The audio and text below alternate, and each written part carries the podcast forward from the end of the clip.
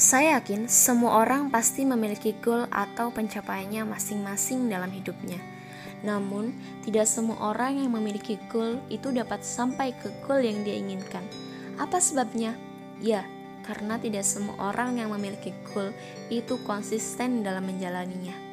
Mungkin di awal target kita merasa menggebu-gebu, buru-buru, cepat-cepat, agar apa yang kita inginkan bisa cepat tercapai. Namun, lambat laun kita akan merasa goyah dan akhirnya kita gagal atau bahkan kita menyerah. Konsisten memang sulit dilakukan karena perlu pembiasaan dan kesabaran, perlu pemaksaan dan keterpaksaan. Tidak perlu banyak-banyak untuk mencapai yang kita inginkan. Kita bisa memulai dengan hal yang kecil tapi berkelanjutan. Saat di perjalanan nanti, pasti ada rintangan dan hambatan. Namun, tidak perlu ada alasan-alasan untuk terus bangkit dan meneruskan impian.